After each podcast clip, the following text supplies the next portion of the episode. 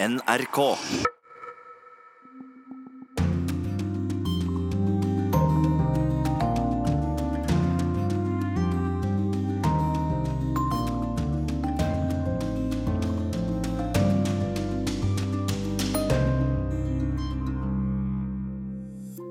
Storbritannia råder sine skip om å holde seg vekke fra Hormuz-stredet etter at Iran arresterte et britisk tankskip.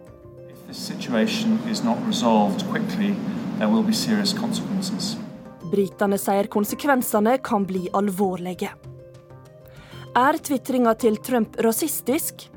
If they don't like here, they can leave. Mange republikanere stiller seg bak og forsvarer ordbruken til presidenten. Det starta med en liten protest for å verne en park. Nå står flere tiltalt for å prøve å styrte regjeringa i Tyrkia. Velkommen til Urix på lørdag, der vi òg skal høre hva det er med oss mennesker og fascinasjonen for månen. Det gjør vi på dagen nøyaktig 50 år etter at det første mennesket setter foten der. Jeg heter Marte Halsør. Storbritannia ber alle sine skip om å holde seg vekke fra Hormuzstredet, det melder BBC. Det gjør de etter at Iran tok en britisk oljetanker i arrest i går. Den britiske utenriksministeren Jeremy Hunt sier at Iran ser ut til å velge en farlig vei. Freedom of navigation must be maintained. Det er helt uakseptabelt, sier utenriksminister i Storbritannia Jeremy Hunt til at det britiske tankskipet Stena Impero i går ble beslaglagt av iranske myndigheter.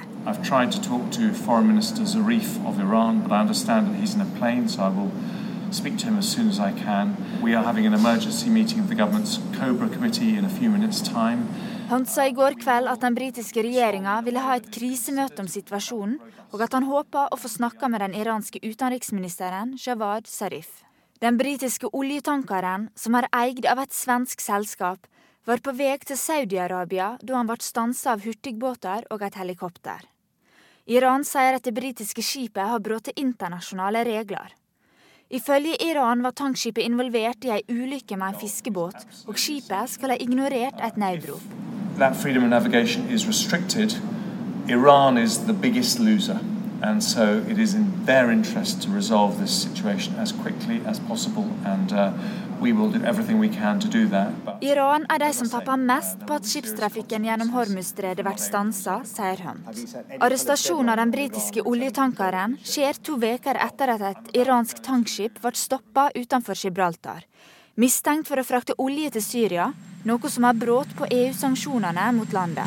And Iran is going to work out very nicely. Iran is showing their colors. Going to work out very nicely. Iran is in big trouble right now. I samband med arrestasjonen av det britiske skipet sa president Donald Trump i går at Iran viser seg fram, og at de er i trøbbel. Their economy is crashing. It's coming to a crash. They're trying to bring soldiers back home because they can't pay them. A lot of bad things are happening to them, and it's very easy to straighten out, or it's very easy for us to make it a lot worse. Stena Imperio er ført til havnebyen Bandar Abbas, og blir ifølge en talsmann for styresmaktene liggende til kai til undersøkingene av ulykka er ferdige. Hunt er klar på at om situasjonen ikke snart blir løst, vil det få alvorlige konsekvenser. we're not looking at military options. Uh, we are looking at a diplomatic way to resolve the situation. We will respond in a way that is considered but robust. And we are absolutely clear that if this situation is not resolved quickly, there will be serious consequences. Reporter her var Birgitte Vågnes Bakken. Og vi har med vår korrespondent i London, Øyvind Nyborg. Den britiske regjeringa satt altså i krisemøte i går kveld. Hva er det venta at de kommer til å gjøre her? Ja, Dette er jo et lite mareritt for britene, for de har jo ikke ønsket å bli dratt inn i konflikten mellom USA og Iran, men nå har altså det skjedd, og risikoen for en krig er blitt større. Britene har allerede en fregatt og fire minesveipere i dette området, og så er det en torpedojager og en fregatt på, på vei. Det vil bli stilt spørsmål her i dag om hvorfor skipet ikke hadde eskorte, og britene vil nå forsøke seg med forhandlinger, en diplomatisk løsning. Ja, Hunt sier at Storbritannia ikke vurderer noe militært svar, men at de håper at det kan løses diplomatisk. Hva type diplomatisk løsning er det de håper på? Ja, Det han egentlig mener er at Iran har alt å tape på å ikke frigi denne båten. For eh, britene som nå til, har inntil nå vært eh, og ment at Iran-avtalen er den beste måten å hindre Iran uh, fra å utvikle atomvåpen på. De kan komme til å innføre økonomiske sanksjoner mot Iran igjen, slik USA gjør. Det andre er at de kan komme til å bidra i en planlagt militæraksjon med USA i området. Men uh, som sagt, britene er interessert i en diplomatisk løsning og forsøke å deeskalere konflikten i området. Hva sier Iran om hvorfor de har tatt dette tankskipet i arrest? Først så sa de at det var fordi skipet hadde slått av sin AIS-sender, som viser hvor de er og hvilken kurs eh, de hadde. Eh, men nå eh, er det fordi de skal ha vært i ferd med å kollidere med en annen fiskebåt. Men sannsynlig så er jo dette bare propaganda. Iran ønsker bare et påskudd på å gjengjelde den det som skjedde i, utenfor eh, Gibraltar, der britiske spesialsoldater gikk om bord i et iransk skip, boret det og tok det i arrest. Hva forhold har Storbritannia til Hormuzstredet i dag? Ja, Det er eh, i hvert fall rundt 30 eh, britiske tankere i dette området eh, hver eneste dag. Og hver eneste dag så går det i hvert fall mellom ett og tre britiske skip eller eh, skip med britiske flagg gjennom Hormuzstredet. Dette er jo et viktig eh, område, ikke bare for britene i, i, forbindelse med oljeforsyningen, men for hele verden og, og for eh, hele Vesten.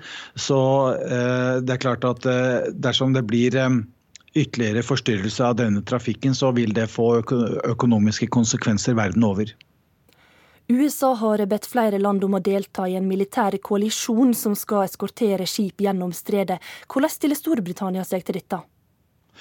Britene er eh, negative til det. og de har, eh, Det har jo så langt bare vært USA som har ment dette og stått alene om denne politikken. Men om det siste døgn nå vil snu på dette, det, det vil jo tiden eh, vise. Takk til deg, korrespondent i London, Øyvind Nyborg.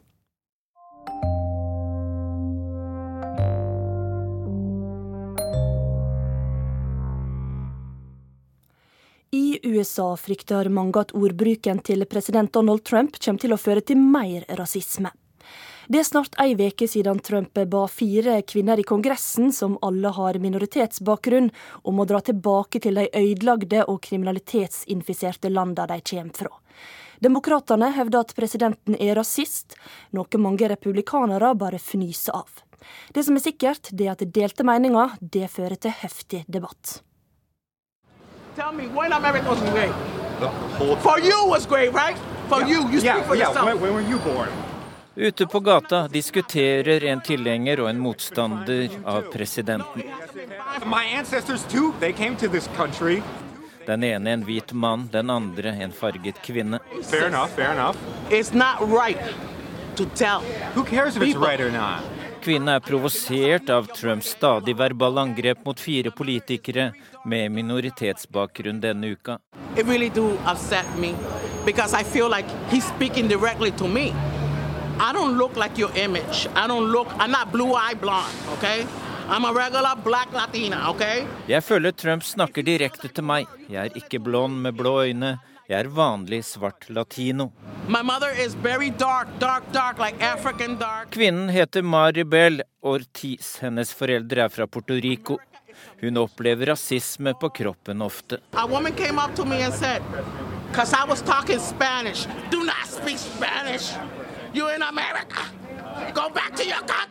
Ikke snakk spansk, du er i Amerika, dra dit du kom fra, sa en kvinne til meg.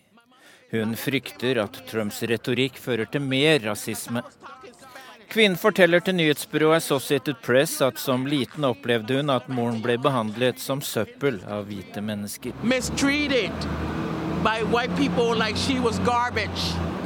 I 120 år har Puerto Rico vært en del av USA. Alle der har automatisk amerikansk statsborgerskap. En av politikerne som Trump har angrepet, er Alexandria Ocasio-Cortez, også opprinnelig fra Puerto Rico. Alexandria Ocasio-Cortez. Presidenten får bare nevnt navnet hennes før folkemengden buer og holder tomlene ned. Når han nevner politikeren opprinnelig fra Somalia, Ilhan Omar, roper folk. Send henne tilbake. På dette folkemøtet i Nord-Carolina på onsdag gjentok han at de fire kvinnene i Kongressen kan dra fra landet. It. Hele uka har han gjentatt budskapet sitt.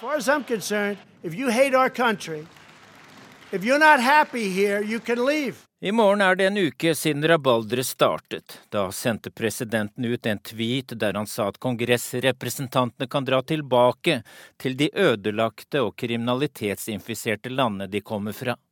Det utløste en unison fordømmelse fra Det demokratiske partiet. I presidentens parti satt de stille i båten. Tirsdag vedtok Representantenes hus, der demokratene har flertall, en resolusjon der de fordømmer det verbale angrepet.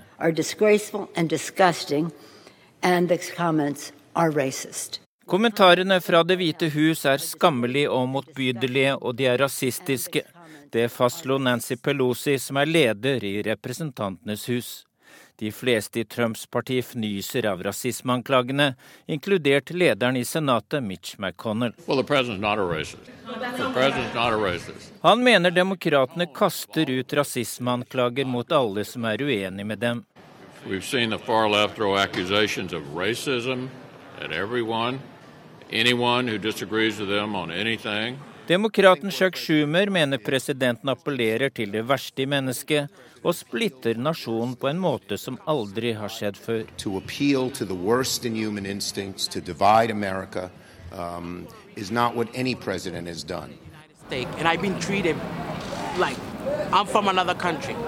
Kvinnen fra diskusjonen på gata mener det samme, at presidenten sprer hat, ikke kjærlighet. The message that he gives is, is not Love is hate.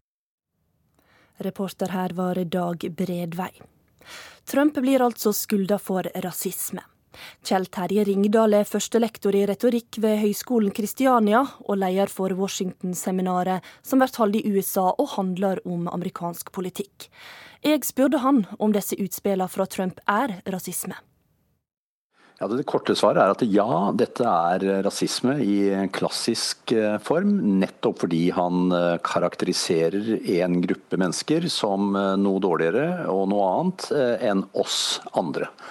Så uten å bruke for lang tid på å definere, så vil jeg si at dette, dette er så nært rasisme som man kan komme. Trump er altså blitt mer populær blant sine egne etter dette utspillet. Hva er grunnen til det?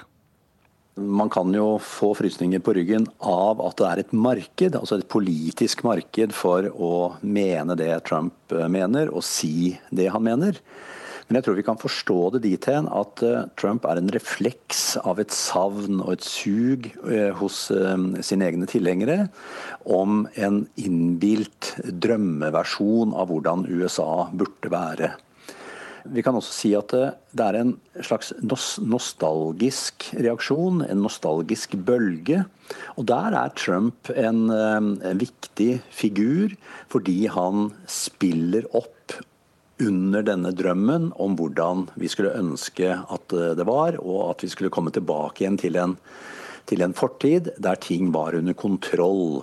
Og her er det mange ulike typer drømmer, men jeg kan nok si at eh, Trumps velgerskare, veldig mange av dem, er frustrerte velgere som har opplevd f.eks. globaliseringen som veldig negativ.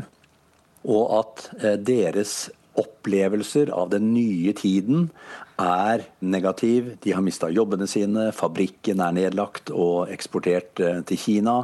De står i en situasjon med lav utdanning, etter hvert dårligere økonomi. Mange mener til og med at dette er et mannsopprør mot kvinnen. sånn at her er det mange, det er veldig diffust. Men vi kan i hvert fall litt grovt sett si at Trump er en slags Gud, en slags mental, åndelig leder for en frustrert velgerskare som skulle ønske at verden og livet var annerledes enn det det faktisk er. Sånne utspill som dette fra presidenten, hva kan det få å si for holdningene blant folk i USA? Å be folk om å dra tilbake til det landet de kom fra, er jo grunnleggende sett veldig uamerikansk. Fordi Amerika er jo skapt nettopp av mennesker som kom fra forskjellige land, og har skapt det Amerika som veldig mange av oss er glad i. Denne mangfoldigheten. Men det er klart det er også et marked for å skyve noen ut. Og det å skape en, eh, en gruppe, altså en inn- og utgrupper, har jo vist seg å være effektivt eh, politisk. Og jeg tror nok vi kan se her at det Trump eh, klarer, bare på ren intuisjon, er jo da å lage disse gruppene, disse grupperingene, som man setter opp mot hverandre. Og at eh, disse frustrerte, dersom de er mange nok, så vil det definitivt ha en stor politisk betydning for eh, f.eks. presidentvalget neste år. Og at det altså er et marked for å være mer eller mindre rasistisk og ha disse litt syke drømmene om hvordan man skal konstruere et uh, samfunn. Vi hører her vanlige amerikanere som eh, frykter at dette vil føre til mer rasisme. Er det grunn til å være redde for det? Det er grunn til å være redd for at dette kan føre til mer rasisme, fordi selveste presidenten verbaliserer, sier disse tingene som veldig mange tenker, og kanskje bare visker ut gjennom munnviken. Og nå blir denne måten å tenke på og snakke på blir eh, på mange måter eh, får et godkjent stempel. Demokratene blir eh, skylda for å spille rasismekortet for ofte. Er det en taktikk der òg, å vinne sympati? Ja, altså det, det, argumentet er jo, er jo, veldig merkelig. Altså det er klart Man spiller jo rasismekortet, i den grad det er noe kort i det hele tatt, når det er grunn til det. Og jeg tror ikke eh, vi kan tro at eh, Det demokratiske partiet eller andre som er negative til dette, spiller noen kort. Jeg tror rett og slett det er et resultat av at det, det er rasisme som kommer ut. Og Sånn sett så vil det også være rimelig, og det vil være demokratisk, at man kritiserer det. Valgkampen eh, fram mot presidentvalget i 2020 den er jo bare så vidt i gang. Hva tror du dette får å si for valgkampen til Trump? Dette er jo ingen samlende kandidat som samler USA og som samler menneskene, men det er en kandidat som henter ut det som er av eh, negative holdninger og frustrasjon, for det skal vi også ta med oss. Dette er jo veldig mange frustrerte velgere som med god grunn eh, kan se tilbake på sitt eget liv som negativt fordi det er gjort politiske vedtak. Men jeg tror og frykter at det kan bli en valgkamp som, eh, som igjen blir skitten, og som igjen blir veldig preget av at Trump definerer dagsorden og presser det som da måtte bli demokratenes kandidat, inn i et hjørne hvor det er fare for at man taper fordi man ikke er Trump, og fordi man ikke klarer å frambringe en politikk som er klar og tydelig som et alternativ til Trump og republikanerne. Hva må da demokratene gjøre? Ja, og Det er jo det store spørsmålet, og det er jo veldig mange som spør om det. Både republikanere og, og, demokrater spør om hvem er vi nå? Er vi bare ikke Trump? Er vi bare kritiske til Trump, eller har vi en egen ideologi? Og veldig mange frykter jo at demokratene nå løper rundt for å lete etter en reell ideologi som kan favne flere deler av USA, og som også kan fange opp det som da veldig mange opplever som som en frustrasjon over en moderne verden som, som har skapt velgere som ikke tror lenger på løsningene som politikerne produserer.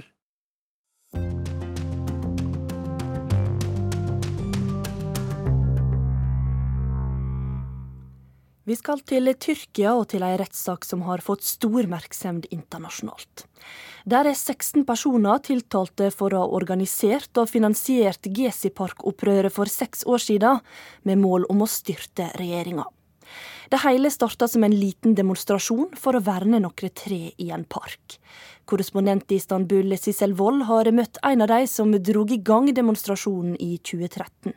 Han hadde aldri sett føre seg at dette kom til å bli en så stor og landsomfattende protest.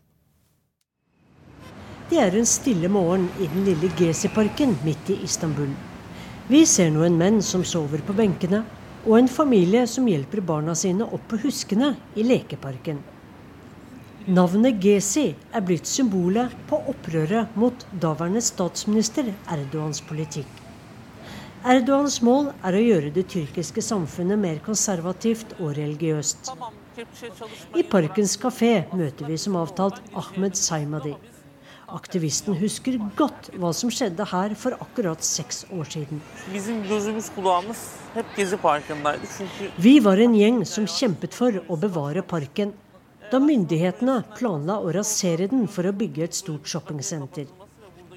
Ahmed Saimadi er tettbygget har på seg lysebrune bukser og en grå T-skjorte. Solbrillene har han over det svarte håret, som har fått en anelse gråstenk.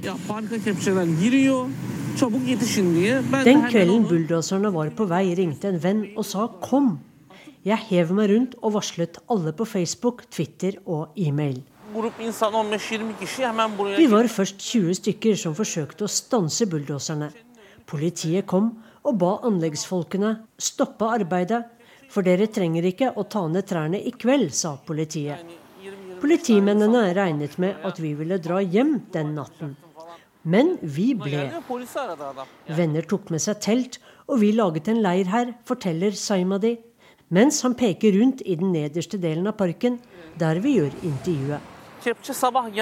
Da politiet kom tilbake neste dag, ble de temmelig overrasket for de ble møtt av masse folk. Sosiale medier gjorde sitt, og flere politikere fra opposisjonen kom for å støtte demonstrantene. Parken ble til en festival. Musikere spilte, filmer ble vist, og overalt satt ungdom og diskuterte politikk, mens flere satte opp telt.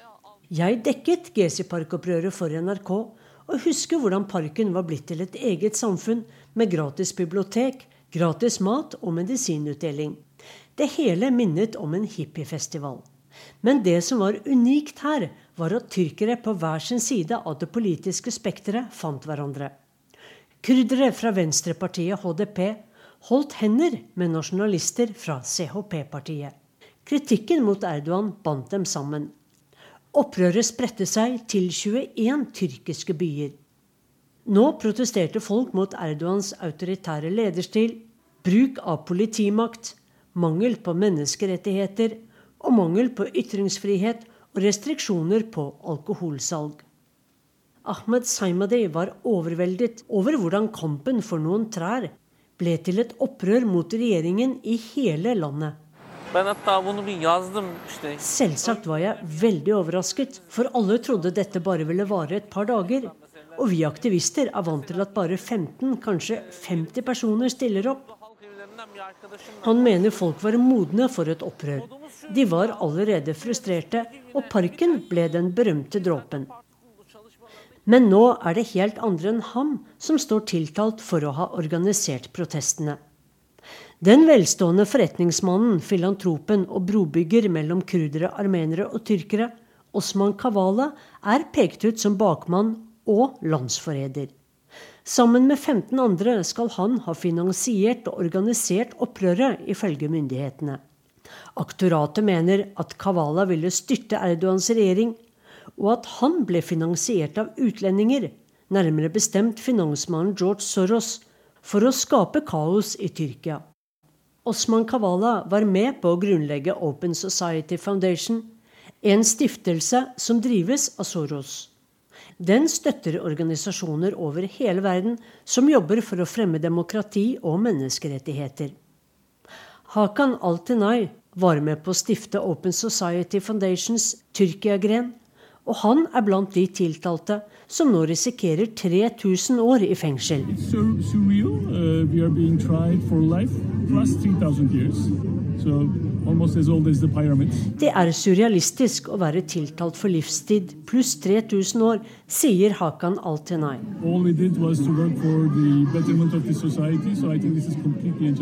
Alt vi gjorde, var å forsøke å forbedre samfunnet, sier han til Nettavisen, som var på sakens første dag i juni. Amnesty, Human Rights Watch og International Bar Association mener alle at saken er absurd fordi myndighetene mangler bevis. I GC-parken spør jeg Saimadi om han hadde kontakt med noen av de 16 på tiltalebenken.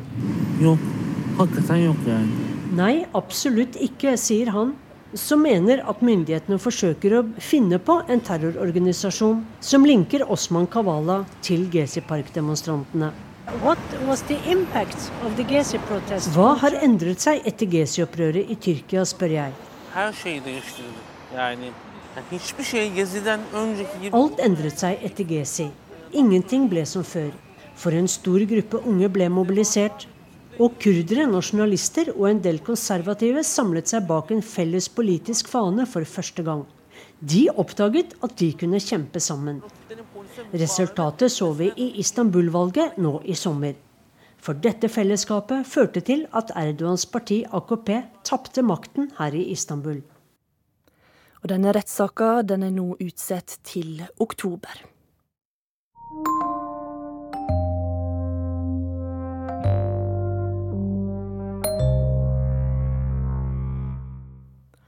På onsdag blir det klart hvem som blir britene sin nye statsminister.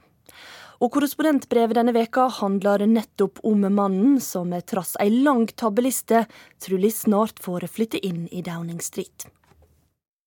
Mange ser på han som en klovn, men Boris Johnson blir etter alle solemerker britenes nye statsminister neste uke. Jeg har selv møtt ham noen ganger. Boris Johnson prater mer enn gjerne når han får høre at du er korrespondent fra NRK og Norge. Som utenriksminister var han nemlig ikke vanskelig å be for oss journalister, og lot seg gjerne intervjue. Men du kunne bare ikke unngå å legge merke til de mange rådgiverne og koffertbærerne omkring ham som dro ham litt i armen. Den litt røslige mannen med det gule håret til alle kanter er kjent for å skyte fra hofta, og du får en sterk følelse av at de er livredde for hva som kan komme, og at deres jobb er å holde han mest mulig borte fra pressefolk. Det blir også hevdet at Johnson er mer opptatt av å spre entusiasme rundt sin egen person enn å ha detaljene på plass. Tabbelisten hans skal vi komme tilbake til. Her i London er av og til taxi raskeste framkomstmiddel, selv om fotografen og jeg reiser mest rundt i millionbyen med T-banekortene våre. Men tar du drosje, får du alltid det lille ekstra. Ikke mange skilling skal kastes på en black cab-sjåfør før skravla er i gang. Temaet i disse dager er selvsagt Boris Johnson. Boris er eksentrikeren og den flamboyante humoristen. Han er sportsbilen, mens motkandidat Jeremy Hunt blir sett på som Volvo stasjonsvogn. Trygg, men kjedelig, sier politiske kommentatorer. Han er en klovn, en løgner og en tjuv, og han er bare opptatt av å mele sin egen kake i et land som er blitt gjort til latter for hele Europa, sier drosjesjåføren på kav østkantdialekt mens vi kjører gjennom Londons gater. Det er ofte slik Johnson blir portrettert. Han blir kalt en klovn og en nasjonal flause som er uegnet til politiske verv. Johnsons tabbeliste er nemlig lang. Han villedet folk da han reiste rundt i en rød buss med påskriften om at tilsvarende rundt fire milliarder kroner blir overført til Brussel hver uke, penger som i stedet kunne blitt brukt på helsevesenet. Han fikk i sin tid sparken som journalist i The Times fordi han jukset med et sitat. Han har innrømmet å ha tatt kokain, men hevdet senere at han var usikker på om han fikk snust opp i nesa. Utroskapssakene hans har stått i kø, og han har minst ett barn med en tidligere elskerinne. Som utenriksminister tråkket han kraftig i salaten da han feilaktig hevdet at en britisk-iransk kvinne som er arrestert i Iran for spionasje, arbeidet med journalistikk. Det bidro ikke akkurat positivt til å få henne hjem til London, og hun er fortsatt fengslet i Iran. Johnson har også fått mye pepper for å ha sammenlignet kvinner i burka med brevsprekker og bankranere. Kritikerne hans hevder at dersom han blir statsminister, må han bruke mer tid på å beklage dumme uttalelser enn å faktisk lede landet. Mye av det jeg sier og skriver blir tatt ut av sin sammenheng, sier Johnson til sitt forsvar. Johnson har en egen evne til å skape overskrifter, både på godt og vondt. Historien om politiet som rykket ut til leiligheten i Sørøst-London der han har bodd sammen med kjæresten sin, den 24 år yngre Kerry Simmons, pga. husbråk, skulle han nok vært foruten. Det var etter midnatt, og Boris hadde bl.a. sølt rødvin i sofaen. Den tidligere spinndoktoren i partiet ropte 'Kom deg ut av leiligheten min'. Etter å ha sjekket forholdene dro politiet igjen uten å foreta seg noe mer, men for motstanderne av Boris Johnson blir dette sett på som nok et bevis for at han ikke holder den moralske standard man bør kunne forvente av en statsminister. Men heller ikke husspråket ser ut til å felle ham. På et partimøte etter husspråket der Johnson blir forsøkt grillet om privatlivet sitt, buer publikum i stedet på intervjueren. Og da det i tabloidavisene kom fram at naboene som hadde ringt politiet, var klare motstandere av toryene, og attpåtil hadde skrytt av at de hadde gjort promiskuøse håndbevegelser mot Johnson ved en tidligere anledning, blir episoden avfeid som en svertekampanje mot ham. Johnson har en humor og en talegave som mange har sansen for, og som veier opp for det meste av sleivspark og tabber, kan det se ut som. Det er de som mener at han er et geni og en nasjonalskatt. I et intervju med storavisen The Telegraph lover Johnson å gjøre Storbritannia til verdens beste sted på jord dersom han blir statsminister. This is the greatest place on earth, sier han til avisen. Boris vil altså gjøre UK great again. Skal vi forstå mer av hvorfor han vil bli britenes neste statsminister, kan det være nyttig å ta en nærmere titt på hvem som til syvende og sist bestemmer om det blir han eller Jeremy Hunt. Avgjørelsen skal nemlig tas av 180 000 medlemmer av det konservative partiet. De fleste av dem er verken urbane eller EU-vennlige. De er både eldre, rikere og hvitere enn resten av befolkningen. Over halvparten av dem er f.eks. For, for dødsstraff. De fleste vil ikke ha for mye statlig innblanding i økonomien, og bare én av ti mener at rikdom bør fordeles fra de som har mye, til de som har lite. Men mye av Johnsons popularitet stammer fra tiden hans som borgermester i London. Kriminaliteten sank med 20% det ble flere politifolk i gatene, og han gjennomførte i de flestes mening et vellykket sommer-OL i 2012. Han gikk først i London Pride, og han innførte bysykler, som fikk navnet Boris Bikes. Et flertall i det konservative partiet ønsker seg ut av EU, selv om det både kan bety økonomisk nedtur og at Skottland og Nordland bryter ut av Storbritannia. For disse folkene har Boris Johnson størst troverdighet. De stoler simpelthen ikke på Jeremy Hunt, som i folkeavstemningen stemte for å bli i EU, men siden har snudd. Johnson sier britene skal ut av EU 31.10, med eller uten noen avtale, koste hva det koste vil. Boris setter ord på hva mange tenker og føler, akkurat som Margaret Thatcher gjorde det, hevder støttespillerne hans. De konservative har også en annen bekymring, og det er muligheten for å bli fullstendig utradert i et nyvalg. Frykten for brexit-partiet som tok store slem i EU-valget, er minst like stor som frykten for at Arbeiderpartiets Jeremy Corbyn skal flytte inn i nummer ti. Mange tror Boris er mannen som kan hamle opp mot disse truslene. Det går også en grense for min drosjesjåfør i London. Jeg synes Boris Johnson er en klovn, men jeg vil heller ha ham enn kommunisten og Hamas-tilhengeren Jeremy Corbyn, sier han. Sjåføren sammenligner det politiske kaoset i Storbritannia med rushtrafikken i London. Hvis du står stille i bilkø, men kjører inn til siden og bytter sjåfør, så er det like forbannet bilkø når du kommer ut på veien igjen, sier han. Framtiden vil vise om britene kan stole på Boris. Øyvind Nyborg, London.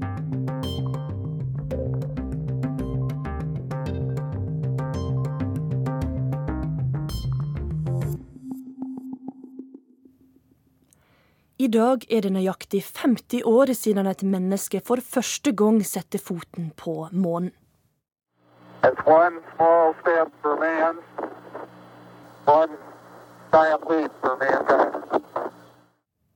Et lite steg for mennesket, et gigantisk sprang for mennesker, var det kjente ordet fra astronauten Neil Armstrong i 1969. Men hvorfor tok amerikanerne dette steget? Hva har det ført til, og hva blir det neste? Det er spørsmålet en prøver å få svar på i denne podkasten fra krig og fred.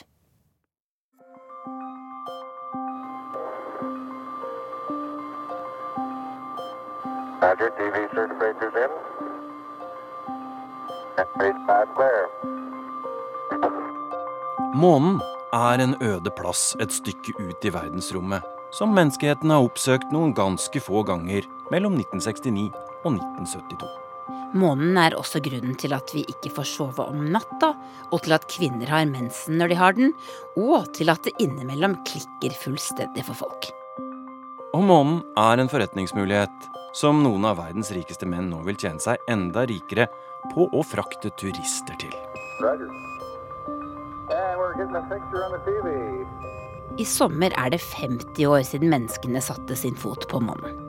Nå er det vel på tide at krig og fred også våger seg ut i verdensrommet.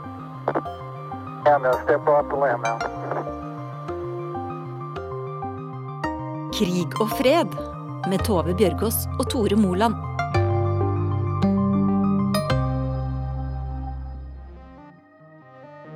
For meg så er det ufattelig at de bestemte seg for å gjøre det. At de faktisk gjorde det på 60-tallet. Det er som om amerikanerne tok et tiår, vårt tiår, det vi lever i nå, 2020-tallet, og sendte det 50 år tilbake i tid og gjorde det til sitt eget. Og, da, også gjennomførte de månelandingen. Så utrolig var det at de gjorde det. Men hvorfor gjorde de det? Det var for å vise at eh, kapitalismen var det beste, ikke kommunismen. Det var egentlig det som lå i grunn. De skulle imponere resten av verden. De skulle sørge for at eh, deres allierte fortsatt var alliert med dem. At de stolte på at USA var storegutten i klassen. Var den som du burde holde deg til hvis alt skal gå bra.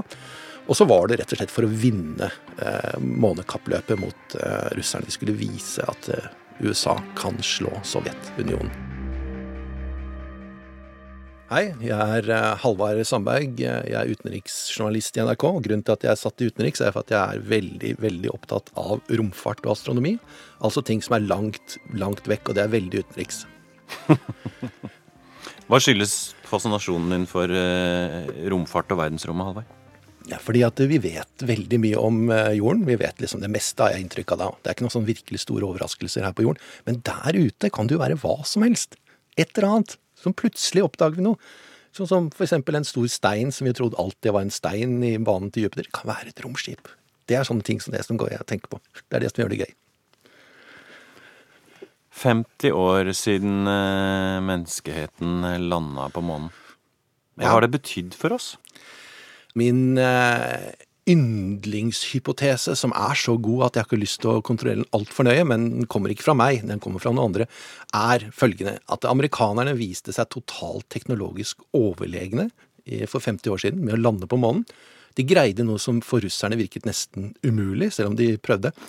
Så da amerikanerne noen tiår etterpå, da Reagan sa vi skal stoppe alle sovjetiske atomraketter, vi skal ha et romforsvar, vi skal ha SDI, vi skal ha Star Wars, så trodde russerne at dette kan faktisk amerikanerne greie å få til, fordi de hadde greid den månegreia. Og så forsto de dette greier ikke vi. Det betyr at vi har tapt.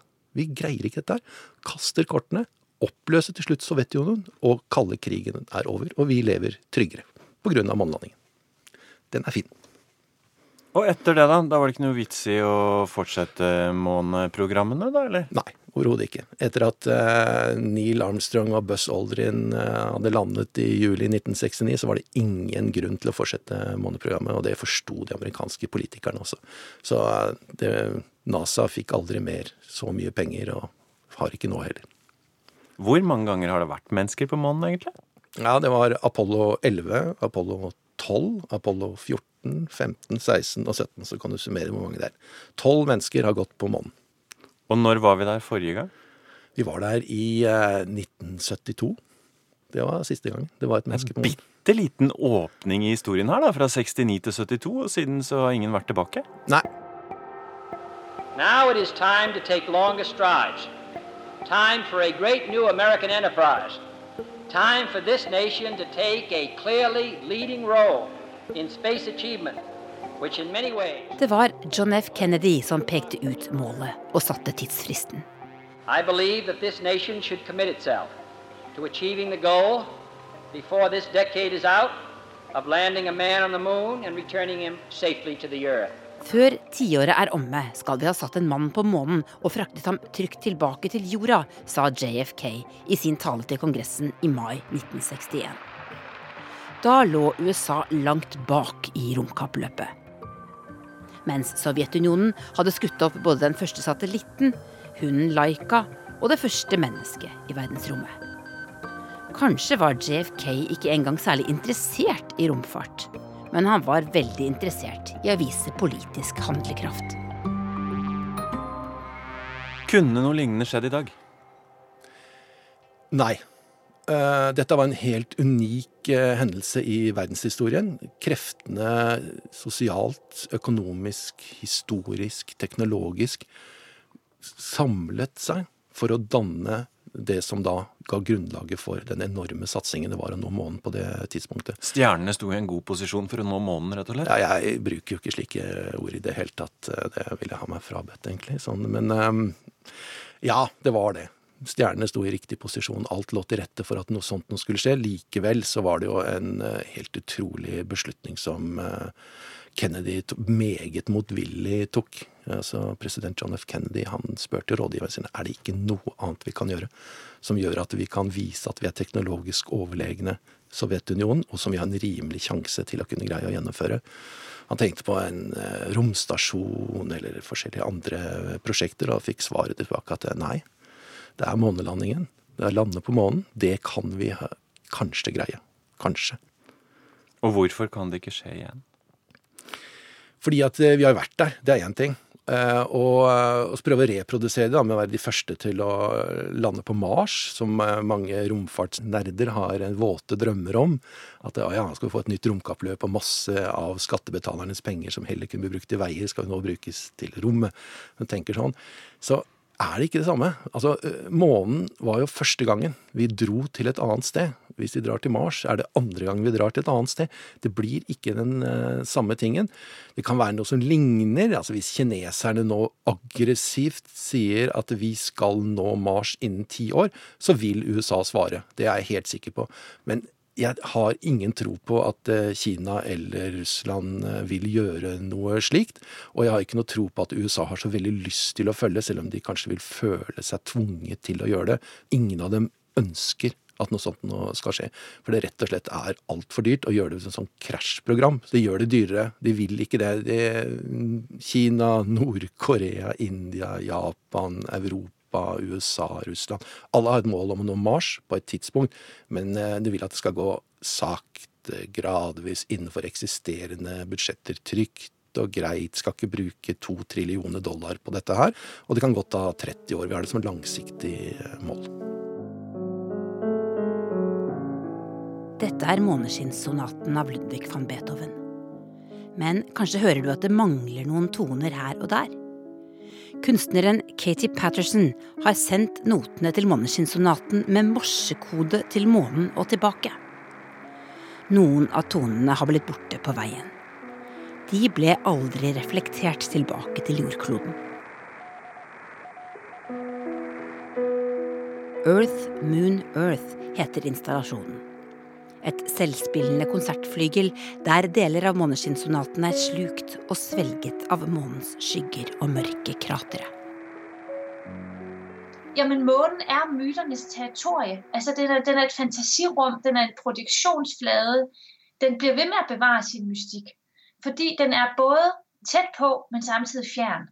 Så det er noe vi forholder oss til, det er noe vi har et kjennskap til. Øh, den står på himmelen, hver gang der er skyfrit øh, om aftenen, så kan man se den.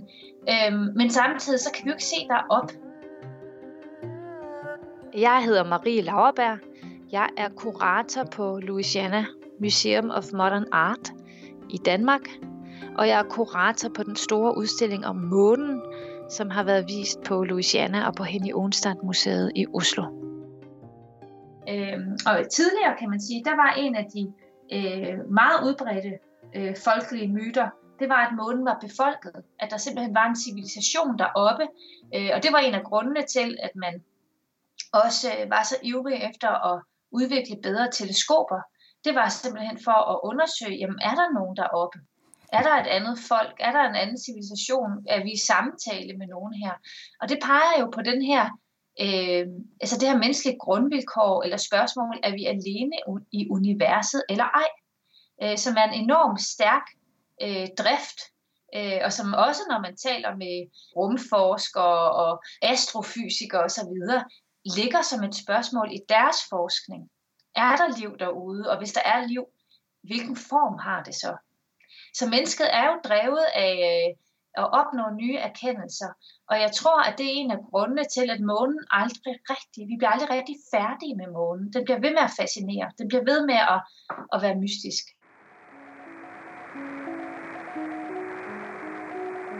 Jeg forstår at du har brukt veldig lang tid på å sette sammen denne utstillingen om månen. Hva var det som gjorde at du hadde lyst til å gjøre det? Jeg har alltid drømt om å lave en utstilling om månen. Og jeg har alltid vært dypt fascinert av månen. Det er simpelthen et av vår kulturs helt store temaer. Eh, altså Månen spiller en kjemperolle i billedkunsten. Den spiller en kjemperolle i videnskaben. Og den spiller en kæmpe øh, i filmhistorien øh, og i dikterkunsten. Hva skyldes denne fascinasjonen vår for månen? Jamen, månen er det eneste himmellegeme hvis overflade man kan se med det blotte øye fra jorden. Hvor hvis, hvis man ser opp mot solen, så blir man blendet. Øh, og den er så stor at man ikke kan forholde seg til den. Men månen den er liksom tettere på. Og derfor har mennesket til alle tider brukt månen som en slags målestok. Samtidig så er månen også nattens lys. Det er altings bagside. Det er den, der lyser opp om natten, så det er mørkets venn. Alt det mystiske, alt det okkulte, alle de undertrykte drifter, de har vært knyttet til månen, fordi inden man opfandt elektrisk lys, så var det jo ved måneskin, at man kunne gå ud om natten øh, og foretage alle de handlinger, der hørte natten til. Så månen har også den her øh, øh, tilknytning til det mystiske og til det okkulte og underbevidstheden og til driftslivet osv. Alle disse mystiske forestillingene om månen, har de endret seg noe av at vi da for 50 år siden kom dit, og etterpå har vært der? Noe av det som er så spennende og fascinerende ved månen, det er at likegyldig hvor mye viden vi får om den gjennom vitenskapen, Lige meget hvor grundigt den blir utforsket av romprogrammene, så oppstår der alltid nye myter. En av de aller mest kjente myter om månen overhodet, det er jo den her urban legend, der handler om at månelandingen var fake. Og ligegyldigt hvor mange beviser man legger frem, ligegyldigt hvor grundigt man redegjør for alt hva der foregikk, ligegyldigt hvor mange vidner der direkte kan bevidne at det her det simpelthen er funnet sted, så er den her myte utrolig vedholdende. Altså Man blir simpelthen ved med at fastholde at øh, det er en mulighet at månelandingen simpelthen var fake. Og de her myter om månens tilknytning til fertilitet, og månens tilknytning til fødsler, månens tilknytning til galskab, at man ikke kan sove når der er fuldmåne osv., de er jo stadigvæk fungerende i dag. Selvom videnskaben igen og igjen og igjen avviser dem, så er der altså en eller annen tro der ligger hos oss på at månen, den, der er mer ved månen enn man lige skulle tro.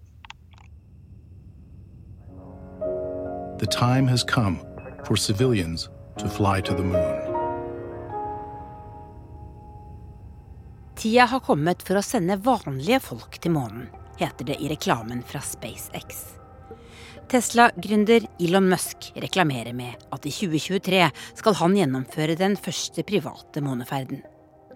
En rik japaner har betalt for billetten og sagt at han vil ta med seg seks til åtte kunstnere på turen. What will they feel when they see the moon? When they see Earth in full view? And what will they create? I nær fremtid så er det jo sånne folk som oss som er den viktigste driveren for dette med månen, og det er turisme. Fordi eh, hvem er det som ikke har lyst til å dra til månen? Tenk deg å ha en selfie på månen! Se, se, her. Du vinner Facebook med det. Du vinner Facebook hvert fall en stund med det. Jeg er på månen, se hvor kult det er. Og det er sikkert veldig morsomt på månen. En sjettedel av gravitasjonen vi har her. Det hadde vært kjempefint. Tenk deg hvis du blir gammel og skrøpelig, og så drar du på gamlehjem på månen istedenfor. Det blir mye enklere å bevege seg og sånt. Og så blir det ikke sånn romsyk, for det er faktisk opp og ned og sånt. Det er bare at du kan hoppe 18 meter opp i lufta og ha det, ha det gøy. Slik at turistturer til månen, det tror jeg vil bli et ganske stort marked. I begynnelsen vil det bare være de superrike. SpaceX driver på med dette her nå. Men etter hvert så vil du få det ned på en pris hvor du som Ja. Øh, du, du, blir 50 år gammel, og du har det godt med penger, og kona di liksom Vi kjøper ikke to nye biler, men du skal få en tur til månen, som du alltid har hatt lyst til. At det faktisk vil skje. Og da har du plutselig tusenvis av mennesker som drar til månen hvert år, og da har du en robust eh, infrastruktur for reiser til månen. Men jeg har jo søkt på nettet og finner saker fra både 10 og 12 og 15 år tilbake der en eller annen glad nordmann sier at nå skal jeg bli første nordmann på månen, for jeg har fått eh, kontrakt med det og det selskapet. Det lar vente på seg. Det lar eh, vente på seg, og det er mye lureri ute i den uh, bransjen der. Og jeg har ikke gjort meg selv populær i en del kretser med å si at en må ikke tro på dette her. Det kommer jo ikke til å skje. Men nå er vi med den infrastrukturen som SpaceX, Blue Origin gjennom Amazon er i ferd med å bygge opp, så, så ligger det an til det, altså. Det gjør det for første gang. Det er ikke, det er ikke Pentagon og Capitol Hill og White House og Kreml som styrer disse pengene, det er faktisk private selskaper som ser en forretningsmulighet, og også har en visjon om at dette er noe de eh, vil gjøre. Så er, det er annerledes nå altså, enn det var eh, på det tidspunktet hvor eh, Apollo-programmet ble gjennomført. Har du en liten hemmelig sparekonto gående for å komme deg til verdensrommet, eller? Mm, nei. Jeg har ikke det. Det, det er vanlig lønnsmottaker. Jeg vil ikke kunne oppleve noe sånt nå på den tiden jeg har igjen på den planeten her. Det er kanskje en grunn til at denne romfarten er noe som virkelig kan ha en verdi for vanlige mennesker, annet enn sånn bra greie på Instagram eller Facebook. Det er at hvis du kommer deg vekk fra jorden, slik at du ser hele jorden, slik at du kan som en kule i verdensrommet. Altså som en stor klinkekule i verdensrommet ser du fra månen. Den ser liten ut. Og når du ser den er så liten, og så er den så vanvittig vakker Altså de fargene som kommer fra jordens hav og skyene og land og noe, det er helt sånn fantastisk sånn juvel i det svarte verdensrommet, er det blitt beskrevet som. Å se det med mine egne øyne vil kanskje få deg til å forstå at vi virkelig skal ta vare på vår egen jord. Det blir sagt det at ved å dra til månen, så oppdaget vi oss selv. Og det er noe jeg tror på. Det er kanskje grunnen til at jeg har mest lyst til å dra ut i verdensrommet. er å kunne se det med egne øyne. Se planeten fra utsiden. Jeg tror det vil kanskje, selv om jeg begynner å bli en middelaldrende mann, kunne bevege tankene mine i en annen retning. At jeg vil ha et annet fundament i hvordan jeg tenker på liv og ting og kjærlighet og sånt noe. Three, two, one, zero. All engine running.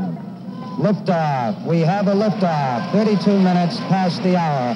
Liftoff on Apollo 11. Apollo 11 ble skutt opp fra John F. Kennedy Space Center i Florida den 16. juli 1969. Søndag 20. juli klokka 17 minutter over ni om kvelden norsk tid satte landingsfartøyet The Eagle fot på månens overflate. Okay, Og fire minutter på fire natt til mandag 21. juli tok Neil Armstrong de første skrittene på månens støvete overflate.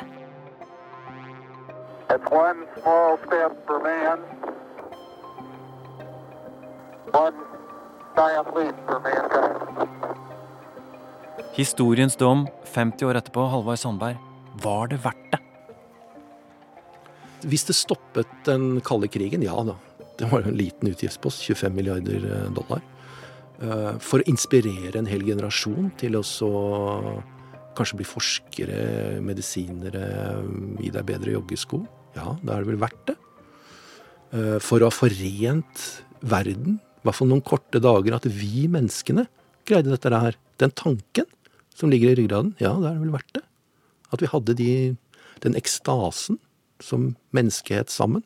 Nå som vi er så polarisert at vi faktisk kan se tilbake at vi, vi var det noen dager. Så var vi sånn. Ja, jeg syns det har vært det. Jeg syns det. Og jeg greier ikke å se noe annet prosjekt som kunne forene oss på samme måte nå, for månen er allerede tatt, og Mars vil ikke være like imponerende. Hvis vi var helt sikre på at det kom en stor stein som ville utslette jorden om 40 år, og vi samla alle ressurser vi hadde, for å stoppe den. Alle Kina, India, Japan, Nord-Korea, USA, Russland gikk sammen om et kjempeprosjekt for å stoppe den steinen, og den stoppet den. Faren var vekk. Kanskje ville fått igjen. Ja, det var vi menneskene som greide dette her. Kanskje. Du har hørt podkasten Krig og fred fra NRK Urix.